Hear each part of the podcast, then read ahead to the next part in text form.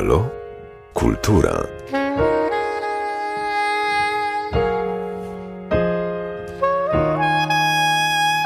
Gościem Radio Lublin i Halo Kultura jest Maciej Hanusek. Mogą Państwo znać tego artystę z zespołu Taragajan, ale teraz powiemy o innej działalności. Witam Cię serdecznie, kłaniam się. Dzień dobry Państwu, cześć Jusku. A więc o budkach nietelefonicznych, które tworzysz i które stoją w wielu miejscach w Polsce. Budki telefoniczne to, to jest już relikt tak naprawdę. Y, trzymamy, nawet i Ty i ja mamy obok siebie telefony komórkowe i one sprawiły, że te budki miały trafić no, już do utylizacji, ale udało ci się kilka z nich uratować. No, kilka to jest e, delikatnie powiedziane. Ja do... jestem ciekaw, i, ile wyrwałeś? No, wyrwałem e, 160 sztuk. Wow! Tyle udało mi się kupić, tyle udało mi się pozyskać w miarę dobrych, zdrowych, e, jakościowo nieskorodowanych e, konstrukcji. Tylko po co? E, po to, żeby stworzyć, e, ja to lubię nazywać storytellingowe wehikuły czasu albo audiobramy do innych światów. Dobry wieczór. Czy dodzwoniłem się do piekła? O, przepraszam, pomyłka. Gdzie takie bramy możemy spotkać? Wiem, że jedna jest w Piaskach. Zacznijmy może od tej piaseckiej, bo ona jest fajnym przykładem tutaj regionalnym. Jak można się połączyć e, z ciekawą postacią, która o regionie wie wiele, czyli turysta albo mieszkaniec wchodzi do budki, no i jaki numer kręci? Y, jeden z numerów, które są dostępne w, w, aparacie, każdy aparat to jest, to jest jednocześnie taki, taka przepustka, taka brama do, do tego świata, wybiera numer i łączy się z zegarmistrzem, z, z lokatorem czy, czy um, obywatelem Piask, który jest taką postacią troszeczkę anonimową, e, bo niewiele mówi o sobie, e, zdradza jedynie, że widzi miasto widzi ludzi tam żyjących i im dłużej, im więcej czasu z nim spędzamy, tym, wiele, tym więcej ciekawostek e, na temat życia Piask się dowiadujemy. I są to różne historie z różnych y, okresów. Tą postać, tą narrację z, z, z, stworzyliśmy w inspiracji z postacią Antoniego Patka, twórcy Patek and Philip.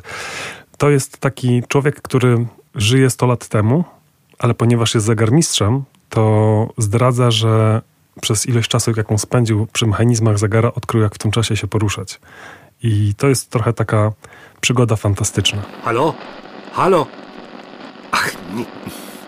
Próbowałem się połączyć z 1996, a to mnie łączy z XXI wiekiem. No nie, nie do pomyślenia. No. A może inaczej ustawię mechanizm? Mhm. A jakie historie o piaskach opowiada? Zapraszam do piasku. No dobrze, jedną legendę, jedną historię, jedno story mógłbyś nam opowiedzieć? Mogę powiedzieć, y, mogę zarysować tak. fragment. Jest historia o wikarym maziarzu, który z jakiegoś powodu, być może dowiemy się tego, jak trafimy do budki, postanawia wymknąć się nocą późną z plebanii i, i uciec. Mi się zdarza o różnych porach po piaskach spacerować. Siedzę godzinami w warsztacie. Klientów też przyjąć trzeba. Ale popołudniem, jak człowiek się tak nad mechanizmem zegara zatraci, to i czas inaczej płynie. W innym kierunku. No, w każdym razie, proszę sobie wyobrazić, raz w dwudziestym piątym, jakoś w połowie sierpnia to musiało być, noc ciepła, niebo gwiazdami usiane, kiedym się tak przechadzał późną nocą, akurat koło kościoła, cóż widzę? Nasz nowy wikary, ksiądz Maziarz, zupełnie po cywilnemu oknem z wikarówki się wymyka i dalej biegiem ulicami co sił się oddala. Potem się dowiedziałem, że wikarówki straż parafialna pilnowała. Ksiądz Maziarz atoli uśpił czujność wartowników i się wymknął. Jak tylko ucieczka się wykryła, ruszył pościg. Ludzie ruszyli czym kto mógł. Rowerami, konno, wozami. No, taksówek piaski nie miały jeszcze wtedy. Na piątej wiorście od piask w Ludwikowie go złapali i sprowadzili na powrót do wikarówki. Po dwóch dniach historia się powtórzyła. Parafianie znowu, dawaj w pole! Tym razem złapali księżula w trawnikach w ubiorze cywilnym na wozie drabiniastym. No ale w czym cała rzecz? Otóż Maziarz ledwie cztery miesiące wcześniej przybył do Piask, a już go kuria postanowiła przenieść stąd do Równego. No, księdzu widać ciężko było parafię opuścić, bo aż zasłabł, kiedy się z mieszkańcami żegnał. A ludność, że dlań sympatię miała, postanowiła sprzeciwić się temu, co władze kościelne w Lublinie zarządziły. Parafianie najsamprzód wysłali przeto delegację do proboszcza, księdza Stanisława Boruckiego bez skutku. Wtedy wysłali delegatów do Lublina, by złożyli biskupowi prośbę o pozostawienie księdza Maziarza. Część parafian chciała przy okazji porachować się z proboszczem, bo ten rządził w miasteczku niby pan na włościach i sprzeciwu nie znosił. Biada temu, kto mu się w czymkolwiek naraził. Parafianie oświadczyli, że księdza Maziarza nie wypuszczą z piask, a jeśli ma wyjechać, to razem z proboszczem.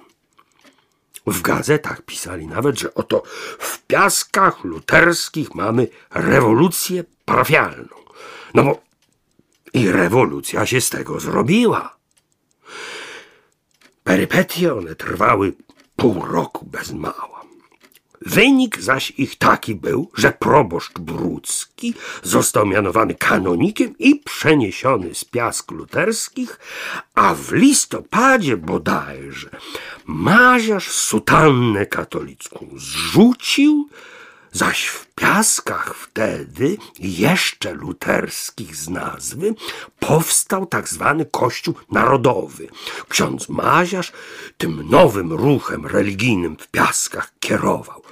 Gromy na niego z ambony ciskano, że przeniewierca sieje zgorszenie niebywałe w zmowie z amerykańskimi sechciarzami, których do Polski przysłał podobny jak on odszczepieniec niejaki Franciszek Chodur i pracuje nad bałamuceniem ludu i odciągnięciem go od jedynie prawdziwego kościoła. To też słuchać go nie wolno, a modlić się, póki tej sekty z parafii piaseckiej się nie wypleni.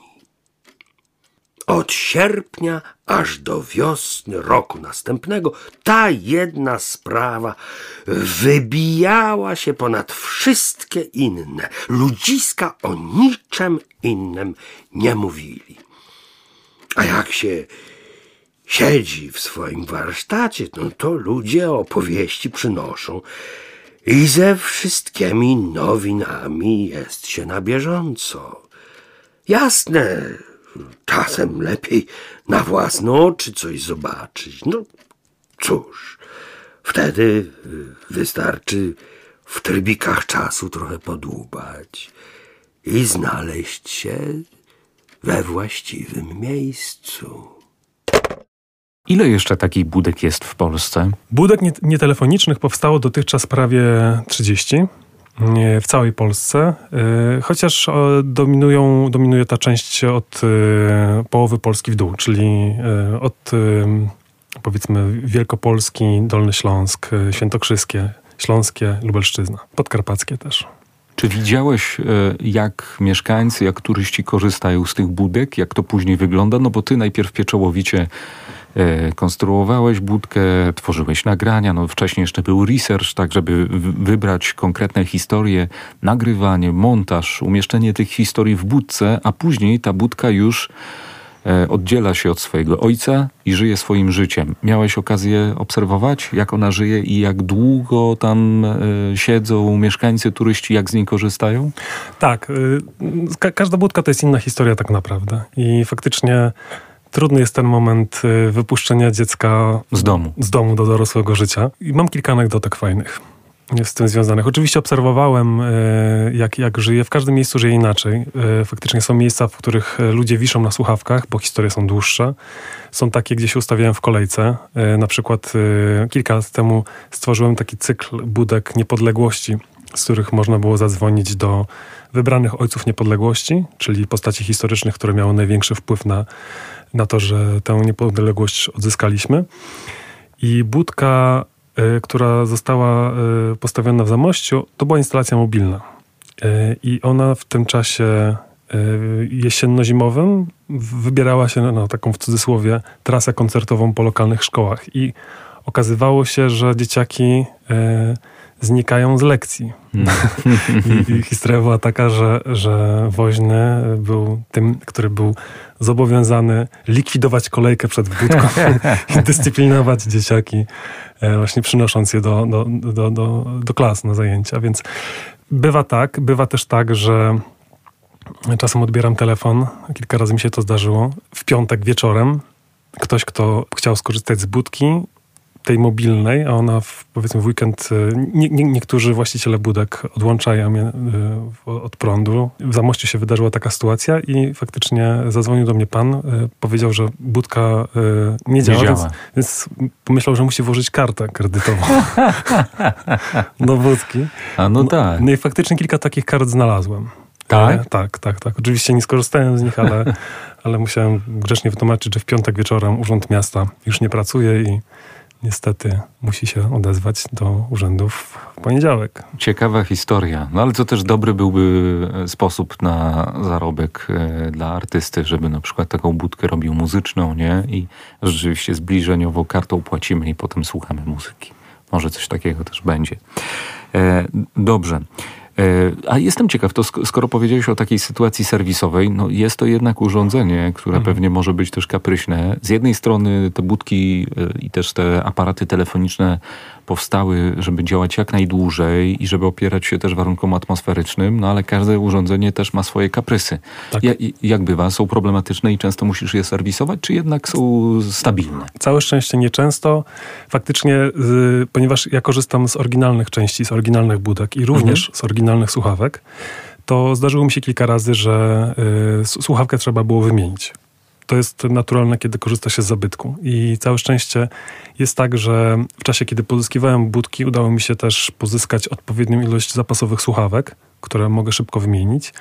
Poza tym całe serce aparatu jest, y, jest nowe, bo w, w konstrukcji to, co wykorzystuję, to jest rama, sama obudowa aparatu, natomiast no i klawiatura, ale już komputer, który wszystkim zarządza, to jest nowy komputer i on jest programowany, więc tak naprawdę jedynym elementem też, który w ogóle był najsłabszy w y, budkach historycznie, to były słuchawki, bo one najczęściej ulegały dewastacji. No tak, bo można Moż- przez przypadek nie uderzyć albo celowo nie uderzyć. Jest, jest, jest, jest na kablu, może najłatwiej rzeczywiście u, ulec zniszczeniu. Tak, ale co ciekawe, to też jest taka ciekawostka. Myślę, że to jakiś, może jakaś oznaka też tego, że dojrzewamy i może nie chcemy już y, niszczyć starych rzeczy.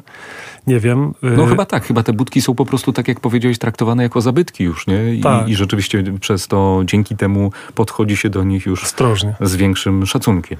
No, y, wiem od techników, którzy obsługiwali y, infrastrukturę, że średnio raz w tygodniu wymieniali słuchawki. O, Od czasu istnienia projektu nie zdarzyło się to ani razu, a projekt istnieje od pięciu lat. W sensie pierwsze budki pojawiły się pięć lat temu i dotych, od, od tego czasu do teraz nie zdarzyła się sytuacja, w której słuchawka uległaby zniszczeniu przez y, akt wandalizmu, więc y, traktuję to jako dobry, dobry znak.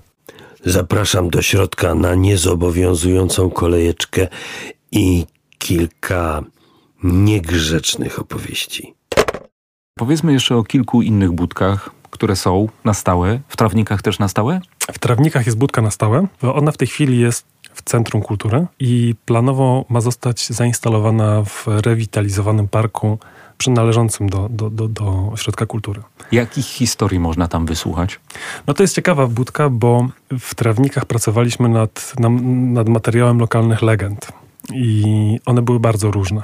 To były zapisy wierszowane trochę prozą, stylistycznie bardzo rozbieżne. I to, co się w nich pojawiało, to bardzo mocny, bardzo mocna obecność natury w ogóle. Więc pomyśleliśmy, że tak naprawdę. Pewnie ty pomyślałeś w Tom i graj, prawda?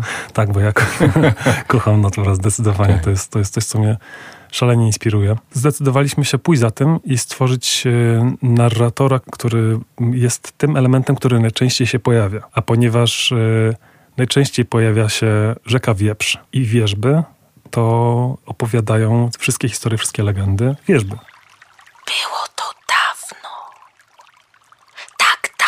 że najstarsza z nas jeszcze nawet nasionkiem nie była.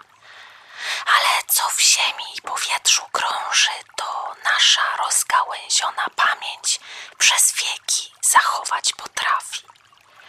Tam, gdzie toczy swe wody rzeka, wieprzem przez ludzi zwana, gdzie most dzisiaj jej dwa brzegi spina, grodzisko stare się znajdowało, a nad brzegiem rzeki wioska była. W tamtym czasie ludzie chętnie na swoich czółnach nurtem rzeki wędrowali. Łagodna woda niosła ich i mniej oporu im stawiała niż gęste lasy, pełne naszych drzewnych tajemnic. Ludzie stąd dziś trawniczanami się mienią. Wtedy, wiele pór roku temu, jeszcze zanim najmłodsza z nas najmniejszy pęd wypuściła, ci, co z nurtem rzeki przybywali, zwali ich lędzianami. Przybysze z odległych krain wieźli bursztyny, korale, narzędzia żelazne i swoje płócien. Patrzyłyśmy, jak słońce cierpliwie bieli owe płótna i jak kobiety pracowicie szyją ubrania, którymi ludzie się przed chłodem muszą chronić i których jako ozdoby używają. Pochylałyśmy swe gałęzie nad sieciami, co suszyły się nad brzegiem. Słuchałyśmy, co mężczyźni, kobiety i ich dzieci mówią między sobą, nie zawsze rozumiejąc ich sprawy, ale przecież zawsze wyczuwając, kiedy są zatroskani, kiedy radość im każe śpiewać, kiedy słodycz wypoczynku pozwala im oddychać spokojnie i szeroko, jak my oddychamy. Niewiele wtedy ludzie mieli około siebie. Nieraz głód dawał się im we znaki, ale i niepokój, który się nad nimi unosił, zdawał się mniejszy.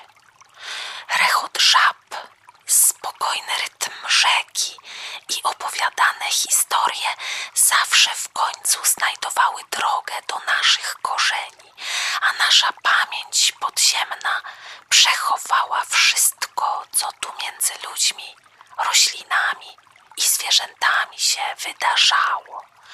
Każdą odległą chwilę, każdą plamę słońca, każdy śmiech niosący się nad taflą wieprza. Powiedzmy, jak powstają te scenariusze do nagrań. No przypuszczam, że pewnie jest tak, że osoba, która zamawia, instytucja, która zamawia, daje bardzo dużo materiału i, i potem musisz się przez to przekopać i jeszcze może dokopać swoją drogą do, do, do czegoś zupełnie innego. Tak, no, z, z tym, y, z tą ilością materiału startowego jest bardzo różnie. Aha. Czasem on jest y, bardzo bogaty. bogaty, czasem bardzo ubogi. Oczywiście fajnie jest mieć bazę merytoryczną, z której można tkać i, i, swobodnie się w tym poruszać. Zasadniczo najpierw przy każdym procesie twórczym określamy to, co budka ma, o czym ma opowiadać. Czyli jaki ma być leitmotiv całej instalacji. Jak już wiemy, co chcemy powiedzieć, to szukamy do tego odpowiedniej formy narracji. Czyli mogę na przykładzie mhm.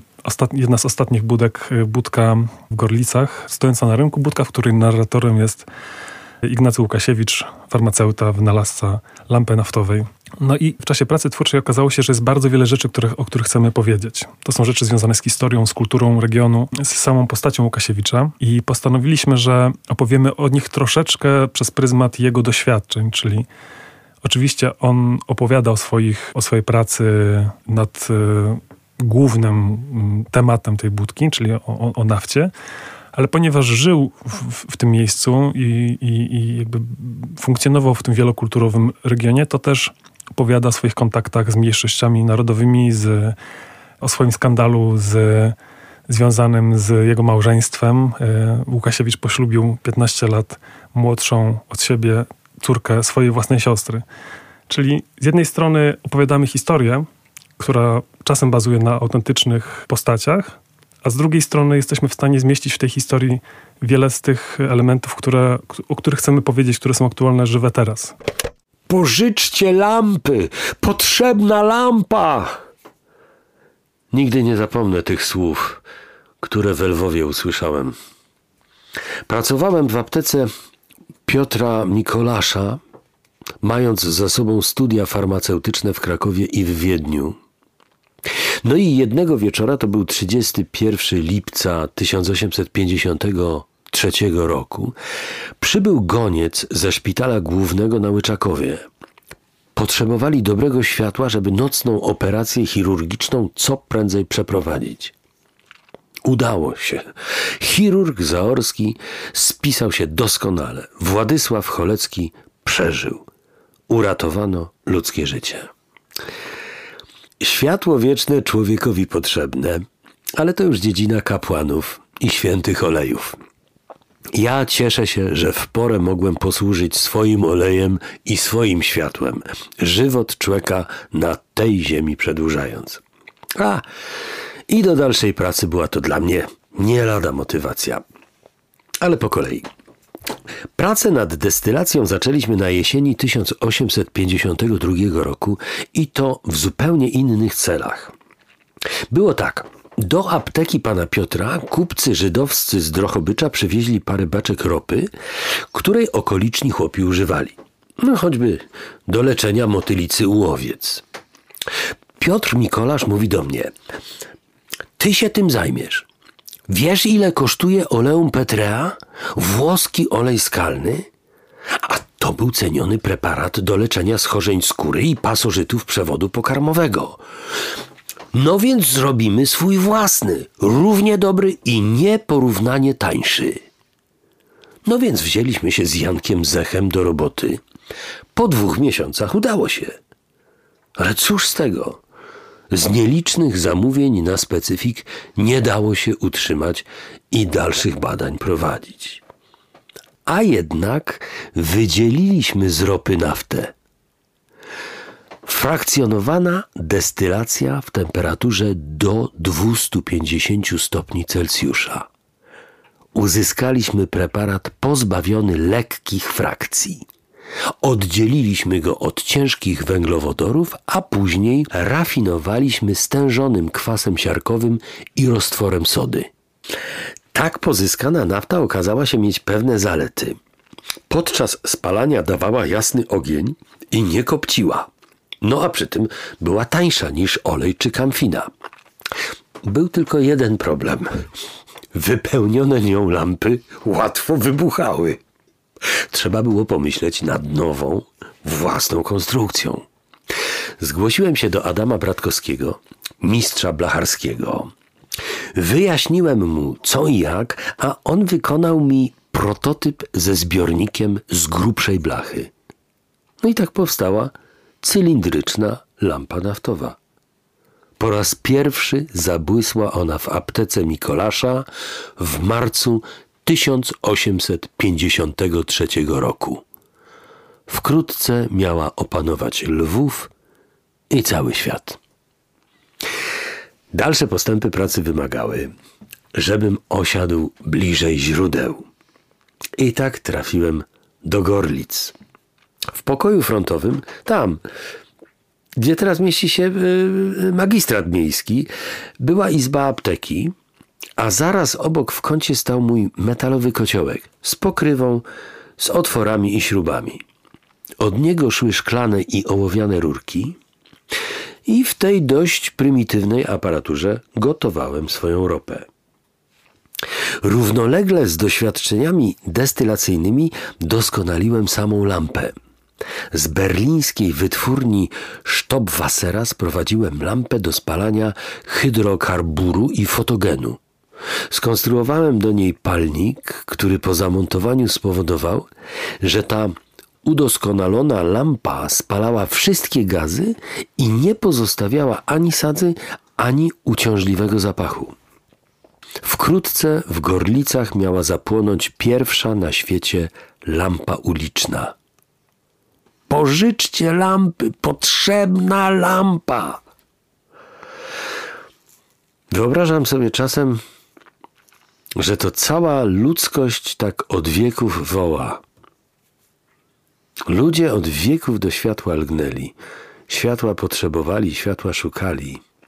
Więc starałem się całe życie w miarę swoich sił to światło, jakie mogłem, na świat ściągnąć. Stacjonujesz tu na Lubelszczyźnie, więc oczywiste jest, że najwięcej tych budek jest tu na wschodzie, na południu, ale to poszukajmy jeszcze takiej budki najbardziej na północ i najbardziej na zachód wysuniętej. Ojejku, najbardziej na północ to jest, to jest chyba Piła.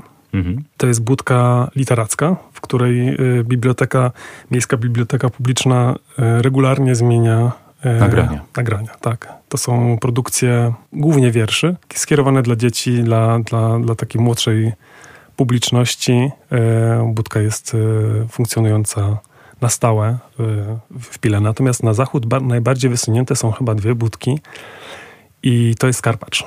W Karpaczu stanęły dwie budki. E, Jedna to jest budka turystyczna skupiona na legendach krainy Ducha Gór i budka Tadeusza Różewicza. Na Lubelszczyźnie jeszcze jakieś mamy poza Piasecką i poza Trawnicką? Tak, jest budka w Zamościu, która jest budką mobilną i do niedawna funkcjonowała budka w Chełmie. Trochę, żeby rozsmakować, a trochę, żeby też archiwizować tę sytuację z budkami, powstała strona internetowa. E, Gdzie ją znajdziemy, jaki jest ten adres i co znajdziemy na tej stronie? budka nietelefoniczna.pl albo budka nietelefoniczna.com. Na stronie znajdziemy aktualne portfolio, trochę materiałów wideo. Niedługo pojawi się mm, materiał wideo mówiący szerzej o, o, o samej koncepcji. Wiem, że w planach są kolejne budki. O nich jeszcze oczywiście nie możemy Państwu opowiedzieć, ale myślę, że jeżeli będą Państwo śledzili tę stronę, to na pewno dowiedzą się Państwo o zupełnie nowych instalacjach. Ja, ja tak sobie myślę, gdzie on te budki trzyma? Ponad 100 budek. To mnie bardzo interesuje. Gdzie one stoją? No, budki są zmagazynowane w, w odpowiednim magazynie. Mhm.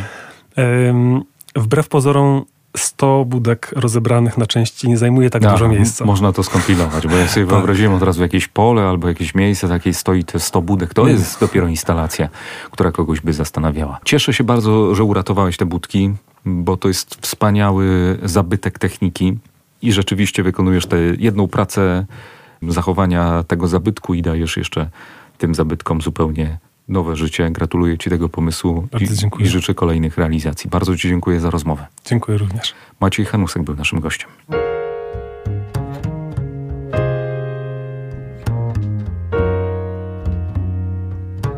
Halo? Kultura.